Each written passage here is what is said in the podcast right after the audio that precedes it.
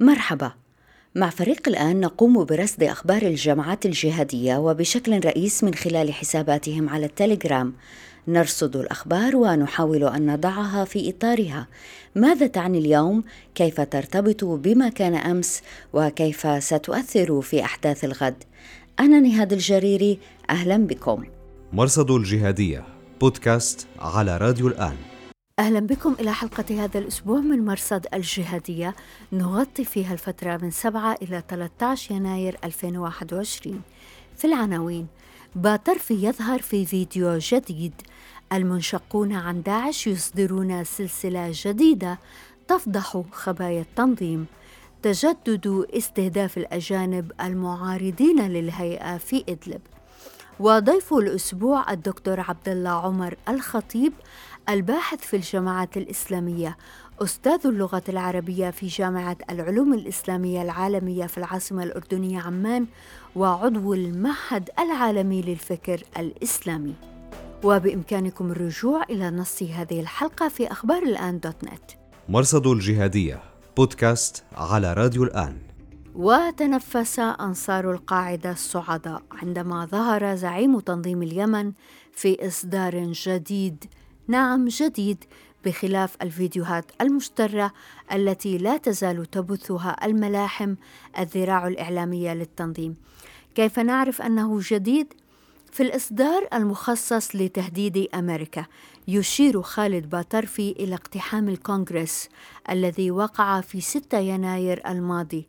وقبل ذلك يشير إلى أن وفيات الكوفيد في أمريكا جاوزت حاجز الأربعمائة ألف وهو خبر تداوله الإعلام الأمريكي في حدود 19 يناير الماضي. باترفي تحدث حصرا عن أمريكا من دون أن يتطرق إلى قضايا مهمة مثل موقف الإدارة الجديدة من الحوثيين وهو أمر كان مثار ومتداول فيما نعتقد أنه وقت تسجيل الفيديو. لم يتطرق باترفي إلى حال التنظيم خاصة بعد هزيمة قيفه ولم يتطرق إلى الشائعات حول موت الظواهري وصحة القيادة المركزية. مرصد الجهادية بودكاست على راديو الآن. أصدرت مؤسسة التراث العلمي المنشقة عن داعش سلسلة جديدة تكشف زيف الدولة.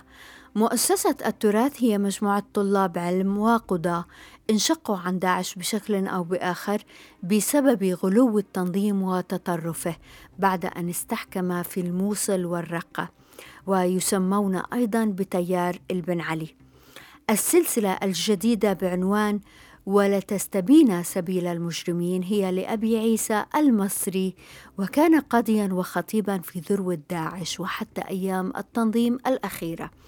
هو صاحب مطوية سلطان باريشة التي يفند فيها أسس الخليفة الذي يدعيه تنظيم داعش الجزء الأول من السلسلة بعنوان لماذا تكلمنا يرد فيه على أسئلة من لامهم في فضح ممارسات التنظيم. من الأسئلة المطروحة مسألة الخروج على البيعة للتنظيم أو للبغدادي دون وجود كفر بواح. يورد أبو عيسى الحجج ومنها رواية ثانية لحديث البيعة يتضمن عبارة على أن نقول بالحق أينما كنا لا نخاف في الله لومة لائم وينتهي في هذا الجواب بأن حديث البيعة يستدعي أصلا وجود دولة لها سلطان وتمكين وهو ما لا ينطبق على داعش. تحدث أبو عيسى عن التعذيب في سجون داعش وعن قضاة وطلبة علم سجنهم التنظيم أو قتلهم مباشرة أو باحتجازهم في السجون التي استهدفها طيران التحالف. وفي هذا طبعا اتهام قيادة التنظيم بكشف مواقع المسجونين. ويجيب أبو عيسى على عتاب يتعلق باستدلال العلمانيين والخصوم على مسائل تتعلق بالتنظيم. يقول أبو عيسى طيب على أي شيء يستدلون؟ إن كانوا يستدلون على ظلم قيادة هذه الجماعة وبدعتها وإجرامها فلا ريب أن ذلك حق. الجزء الثاني من السلسلة بعنوان أقوال أهلها فيها في 24 صفحة يكتب أبو عيسى عبارات وقصصا سمعها أو نقلت إليه تدل على زيف التنظيم. من ذلك أن أحدهم نقل له عن أبي فهر التونسي وبحسبه كان من كبار طلبة العلم في داعش ومن أكبر قضاتها وكان من المقربين من البغدادي في أيام الدولة الأولى قبل أن يقلب له البغدادي ظهر المجن أي ينقلب عليه بسبب مخالفته غلو البغدادي وحاشيته. قال أبو فهر الحل أن تسقط هذه الدولة فيسقط معها اغترار الناس بها. مرصد الجهادية. نقل المرصد السوري لحقوق الإنسان أن طائرة مسيرة قتلت يوم الجمعة 12 فبراير اثنين من داعش في شمال شرق دير الزور السورية. ورجح أن أحدهم كان أبو ياسين العراقي أمير ديوان الركاز في المنطقة خليفة أبو ورد العراقي الذي قتل في نفس المنطقة قبل عام تقريباً. مرصد الجهادية بودكاست على راديو الآن. في ملف استهداف المستقلين وأنصار القاعدة في إدلب اغتال مجهولون مطلع الأسبوع أبو يونس الألماني في جسر الشغور وهي منطقة كانت خاضعة لحراس الدين قبل أن ينسحبوا منها بعد انقضاض الجولاني في يونيو الماضي. حساب مزمجر الثورة السورية قال إن الألماني هو تركي الأصل ويعتبر أمير المهاجرين الأتراك والألمان في المنطقة وأضاف أن الرجل مطلوب للتحالف وسأل فمن هو ذراع التحالف على الأرض؟ وهذا الأسبوع استهدف أبو عبد الرحمن الأزبكي بعبوة ناسفة زرعت في سيارته. مرة أخرى مزمجر الثورة قال إنه من جماعة أبو صلاح الأزبكي المعتقل لدى الهيئة منذ يونيو الماضي. وفي منتصف الأسبوع اعتقلت الهيئة أبو عبد الرحمن الأردني. وهو المسؤول الشرعي للقطاع الغربي للحراس في جسر الشغور. وبعده بيومين وبحسب مزمجر اعتقلت الهيئة أم آسيا الفرنسية مع أطفالها في أطمة وهي زوجة أبو شامل الفرنسي المعتقل أيضا لدى الهيئة. أم آسيا اعترضت على ضرب الأمنيين لها أثناء اعتقال زوجها. مرصد الجهادية. بعد ظهور الجولاني في صورة تذكارية مثيرة للجدل مع الصحفي الأمريكي مارتن سميث ظهر عبد الرحيم عطون شرعي عام الهيئة بمظهر غير معهود. أثناء حفل تخريج كان فيه عطون ضيف الشرف يسلم الشهادات كشف رأسه فلم يضع أشماغ الذي اشتهر به. وفيما ربط المعارضون بين عطون والجولاني والتقارب الغربي نقلت قنوات أنصار الهيئة الصورة كما هي. وقالوا في موضع آخر إن جماعة الهيئة وصلت مرحلة متقدمة لم تصل إليها جماعة جهادية قط في تاريخنا الحديث إلا طالبان في أفغانستان. مرصد الجهادية. أصدرت طالبان هذا الأسبوع بيانا ردا على تحولات سياسية أخيرة قالت فيه إنها التزمت بالجزء المتعلق بها بموجب اتفاق الدوحة ومن ذلك أنه لم يقتل أي جندي أجنبي في أفغانستان منذ توقيع الاتفاقية في مقابل استمرار العمليات ضد الجيش الأفغاني. نقلت صحيفة الديلي تايمز الباكستانية أن القوات الأفغانية قتلت أمير نواز وهو قيادي رفيع في الشق الباكستاني من طالبان.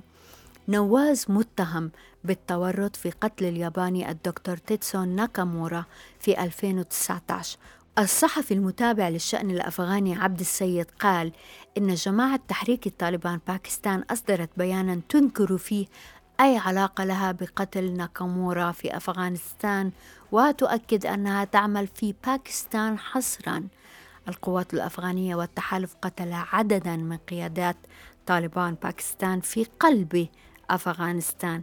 كان ناكامورا ويعرف محليا بكاك مراد طبيبا يدير منظمة غير ربحية تقدم العون للأفغان منذ الثمانينيات. مرصد الجهادية بودكاست على راديو الآن. في مجموعات أنصار داعش والقاعدة وحتى هيئة تحرير الشام أكثر ما يشغل المشاركين هو مسائل عقدية مثل التكفير في محاولة منهم لتبرير وفهم لماذا نحن مع هذا وضد ذاك.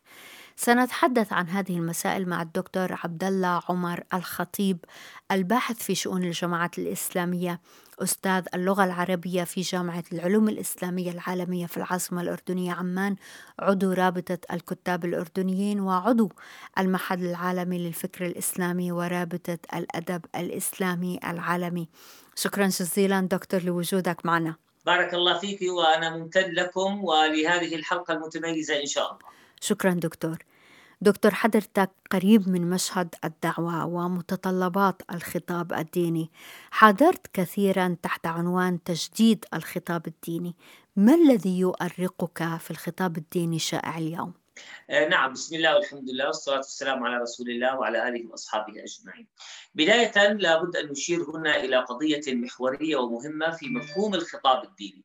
ما المقصود بتجديد الخطاب الديني؟ وما الخطاب الديني الذي نسعى إلى تجديده؟ هل هي النصوص الدينية من القرآن الكريم والسنة النبوية التي نسعى إلى تجديدها وإلى البحث عن متطلبات تواكب العصر أم هي الأدوات والخطاب الموجه وشكل الخطاب الموجه للعالم للجماهير المسلمة وغير المسلمة. هذا الذي ينبغي أن نتفهمه قبل أن ندخل إلى متطلبات التجديد الخطاب الديني. إذا كان الحديث عن تجديد النصوص المقدسة القرآن الكريم والسنة النبوية هذا لا يمكن أن يكون تجديدا بل هو التغريب بل هو الانسلاخ عن واقع الأمة وعن ثوابتها التي نزلت من عند الله سبحانه وتعالى. لكن إذا كان الحديث عن تجديد الأدوات المستخدمة في فهم النصوص الدينية أو الأشكال التي يقدمها آه، تقدمها الحركات الإسلام السياسي يقدمها الفقهاء يقدمها مفكرو الفكر الإسلامي ومنظرو هنا نقول نعم نحن مع تغيير أو تجديد الخطاب الديني بما يمكن أن يواكب متطلبات العصر. لأن الخطاب الديني الآن يعيش في حالة من التشظي هذه الحالة يدفعها اتجاهان خطيران. الاتجاه الأول هو ما يدعو إلى الانسلاخ عن هذا النص المقدس باتجاه التغريب باتجاه الابتعاد عن المفاهيم الحقيقية التي دعت إليها الآيات القرآنية الكريمة والأحاديث النبوية الشريفة. وهذا توجه خطير جدا. يقابله الوجه الثاني للخطاب الديني وهو الخطاب المتعصب الخطاب الذي يدعو إلى التكفير الخطاب الذي يدعو إلى الإقصاء والإلغاء للمشاركة في هذا الكون. لذلك نجد النص الديني الواحد يمكن أن يقرأه متعصب بفكرة معينة ويقوم بإسقاطات إسقاطات معينة على هذا النص الديني على الرغم من أن النص الديني لا يحتمل ذلك.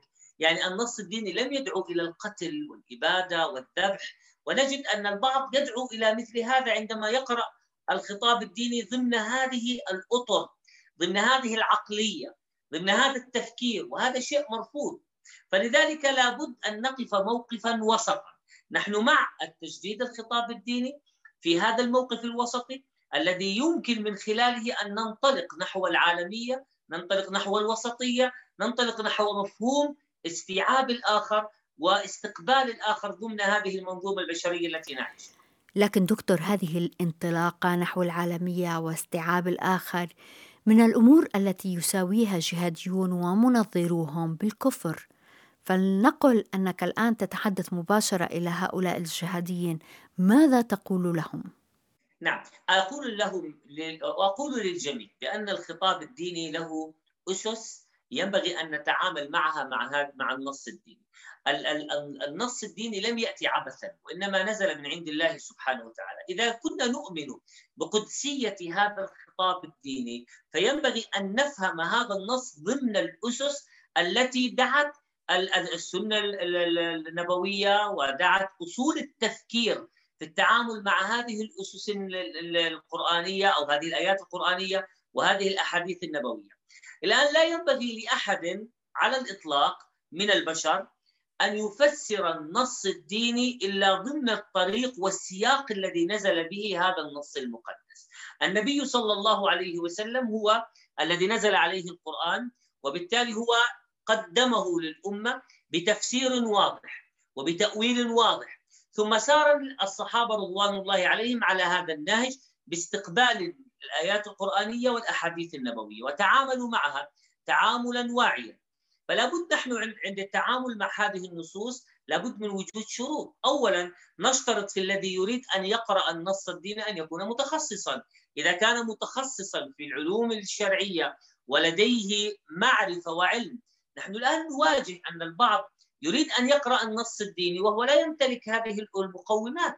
اذا إذا نحن الآن في وباء كورونا من الذي يحق له أن يتحدث عن مشكلات هذا المرض وعن اللقاحات المقترحة، لا شك أنهم الأطباء الأكفياء الذين لديهم تخصص في علم الفيروسات وفي الأمراض والقضايا المرتبطة بهذا الشيء. كذلك الحال نحن نقول لابد من وجود الشخص المتخصص القادر على فهم النص الديني فهما متعلق اولا بأسباب النزول لأنه اليوم في إسقاطات على بعض الآيات آه، ممكن نزلت في سياق معين نقوم بإسقاطها على حدث وعلى مشهد مختلف. أسباب النزول مهمة أن يكون عالما باللغة العربية خبيرا بقواعدها وبالبلاغة القرآنية التي جاءت بها حتى يكون قادرا على فهم هذا النص، إذا كان النص من الحديث النبوي الشريف لابد أن يكون عالما بالحديث النبوي الشريف، قد يكون هذا الحديث اولا ليس صحيحا. قد يكون هذا الحديث له فهم وسياق معين. إذا نحن نشترط ابتداء في من يريد أن يتحدث بالخطاب الديني أو في الأحكام الشرعية أن يكون متخصصا في هذا الجانب. سواء كان طبعا هذا من المؤيدين لتجديد الخطاب الديني أو من الرافضين للخطاب لكن هذا الأساس الأول الذي يمكن أن أقنع به هذا الإنسان الذي يريد أن يذهب بالنص الديني باتجاه يعني آه، يميني متطرف أو باتجاه يساري يعني تغريبي. كذلك القضية الثانية والمهمة في من يمتلك أو في من يحق له النظر في هذه النصوص لابد أن يفسر النص النص تفسيرا منضبطا لا تفسيرا منفلتا. الآن عندنا مشكلة إنه بعض النصوص الدينية التي تتعامل معها سواء الجماعات يعني التكفيرية أو الجماعات المتطرفة أو الذين يقابلونهم في الجهة المقابلة والمعاكسة من التغريب والعلمانيه إذا صحت التسمية.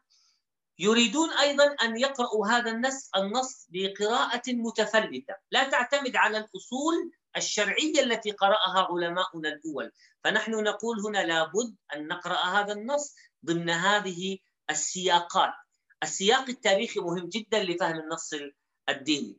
السياق اللغوي مهم جدا. السياق الاجتماعي. النبي صلى الله عليه وسلم أحيانا كان يتعامل مع بعض القضايا ضمن أطر اجتماعية مهمة جدا. لذلك كان يدعو مثلا إلى إكرام ال ال يعني الإنسان الوجيه في قومه على الرغم من أنه قد لا يكون مسلما. لماذا جاء بهذا؟ حتى يوجه النص الديني إلى استخدام السياقات الاجتماعية. السياقات اللغوية والسياقات التاريخية. تحدثت دكتور عن ضرورة فهم مناسبة نزول الآية، مثل أي آيات دكتور لها دور في فهمنا لما يجري حولنا؟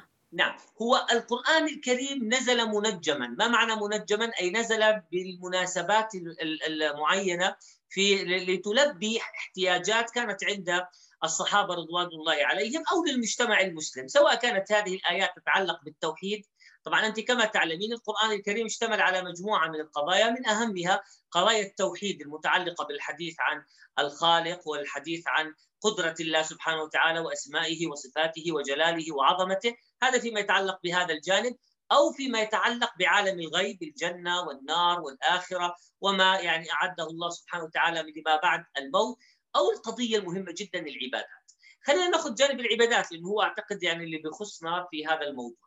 الآن العبادات آه، آه، من صلاة وصيام وصوم آه، وجهاد في سبيل الله وغيرها من القضايا والتعامل مع غير المسلم هذه جاءت لتتحدث عن سياقات تاريخية.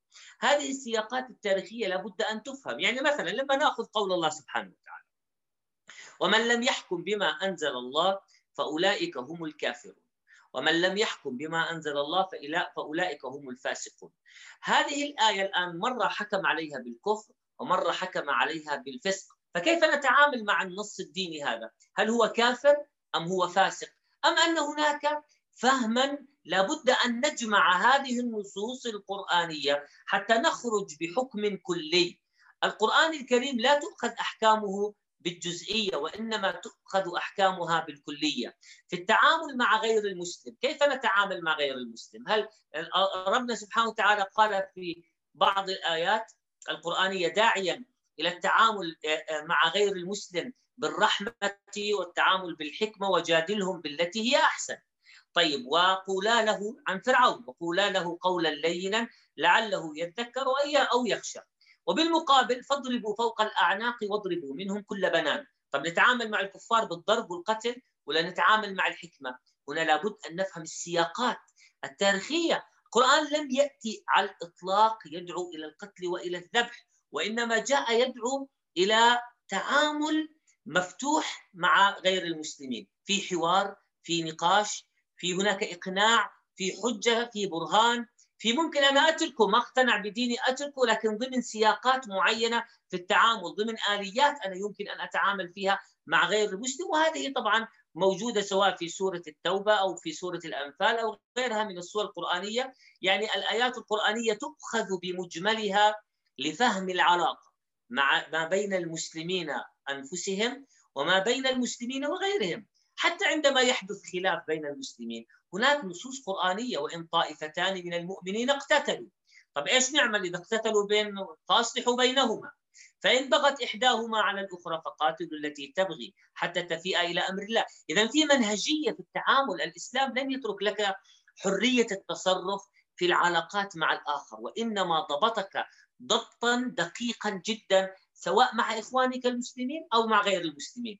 ولا إكراه في الدين. طب عندي نص ديني أنا. كيف أفهم لا إكراه في الدين؟ كيف أفهم هذه الآية في تعاملي في سواء مع الذين يتبنون افكارا أو يتبنون مذاهب وشرائع غير غير ما أتبناه أنا كمسلم يعني فبالتالي هنا لابد أختي الكريمة أن نعود إلى أسباب النزول وأن نعود إلى النص المحيط ما يسمى اليوم بالنقد الحديث النص المحيط لهذه الآية القرآنية حتى نفهم آليات التعامل مع هذه النصوص الدينية ولا أقوم بإسقاطها اسقاطا مجردا عن يعني سياقها التاريخي أو الحدث التاريخي الذي جاءت. نعم. مرة أخرى دكتور شددت حضرتك على ضرورة أن يكون المرء عالما فاهما حتى يضع الأمور في نصابها. لكن المشكلة أننا نجد مثقفين وحملة شهادات عليا دكتوراه وما فوقها وهم لا يكتفون بالتعاطف مع الجماعات المتطرفة بل هم جزء من هذه الجماعات كيف تفسر هذا دكتور؟ المثقف أحيانا لديه إشكالية في التعامل مع السلطة، فبالتالي هو يجد أن طريق مناهضة السلطة دائما هي الوصول لتحقيق مآربه، طبعا هذا لا أعمم أنا الفكرة، وإنما أقول هناك إشكالية موجودة على مر التاريخ بين المثقف وبين السلطة. المثقفون هم بشر في نهاية المطاف، قد يخطئون في تعاملهم مع النصوص الدينية وقد يصيبون، كما أن هناك من المثقفين من يشتط في تفكيره وفي التعامل مع النصوص الدينية، هناك أيضا من ينحرف انحرافا كبيرا ويؤول القرآن الكريم ويفسره تفسيرا مغلوطا. المثقف أو المفكر هو يحكم على ذاته ولا يحكم على دين الله سبحانه وتعالى. يجب أن نفهم قاعدة مهمة، لا أحد يوقع عن الله سبحانه وتعالى، لا أحد يحق له أن يفتي عن الله سبحانه وتعالى أو أن يحكم شيئا. لذلك عندنا في الفقه الإسلامي لا يجوز التألي على الله. لا يجوز أنا أن أحكم أن فلانا بالجنة أو فلانا بالنار. وهذه من عقيدة أهل السنة. في قاعدة عند أهل السنة أود أن ننبه إليها هنا. نحن لا نحكم على أحد بجنة ولا نشهد لأحد بجنة ولا نار إلا من شهد له الرسول صلى الله عليه وسلم. ولا نكفر أحدا من المسلمين بذنبه. هذه قضايا جدا مهمة ينبغي أن تفهم في سياق العقيدة في سياق الولاء والبراء بين المسلم وغير المسلم. لا ينبغي لأحد على الإطلاق مثقفا كان أم غير مثقف أن يحكم أن فلانا في الجنة أو أن فلانا في النار. من الذي منحك هذا الحكم؟ من الذي جعلك في هذا المنصب؟ حتى لو كان مثقفا حتى لو كان فقيها من فقهاء الإسلام نحن نقول له اذكر لنا الآلية التي اعتمدتها لتحكم حكما عاما. أما الحكم المخصوص للمسلم فهذا لا يجوز. بالمقابل أيضا لا نكفر احدا بذنبه من المسلمين. لا يجوز التكفير. التكفير لا يكون من المسلمين على إخوانهم المسلمين على الإطلاق إلا ما جاء النص الصريح بكفره. وهذه سياقات ضيقة جدا. يعني أبانها القرآن الكريم. إن الله لا يغفر لمن يشرك به ويغفر ما دون ذلك لمن يشاء.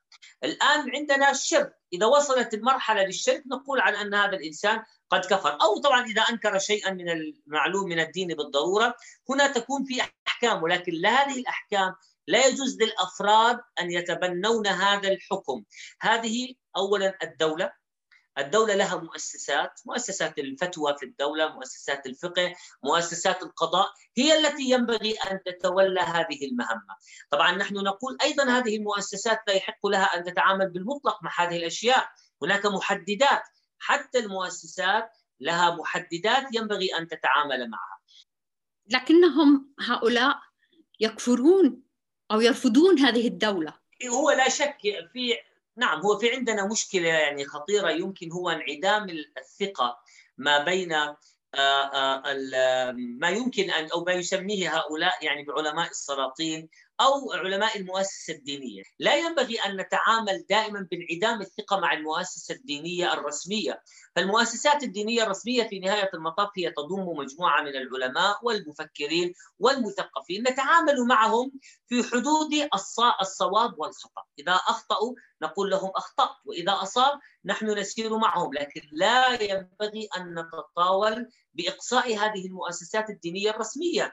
أكبر خطر يعني ربما يكون قد وقعت فيه كثير من هذه الجماعات أنها آه، قد سحبت الثقة بالمفكرين والمنظرين من خارج هذه الجماعات. وبالتالي هم لا يسمعون إلا لعلماء هذه الجماعة ولا يسمعون إلا لمفتي هذه الجماعة. بالتالي كيف ستبني شبكة العلاقات مع الآخر؟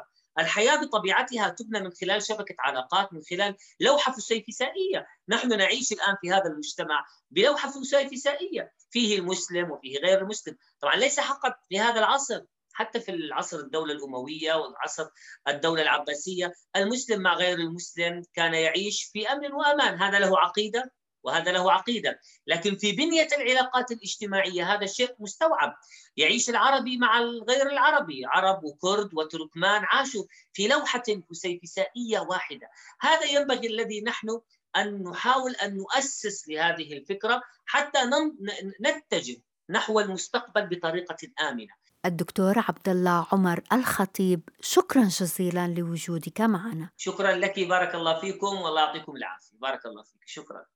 وشكرا جزيلا لوجودكم معنا في راديو وتلفزيون الآن. بإمكانكم الرجوع إلى نص هذه الحلقة في أخبار الآن دوت نت. أنا نهاد الجريري. مع السلامة. مرصد الجهادية بودكاست على راديو الآن.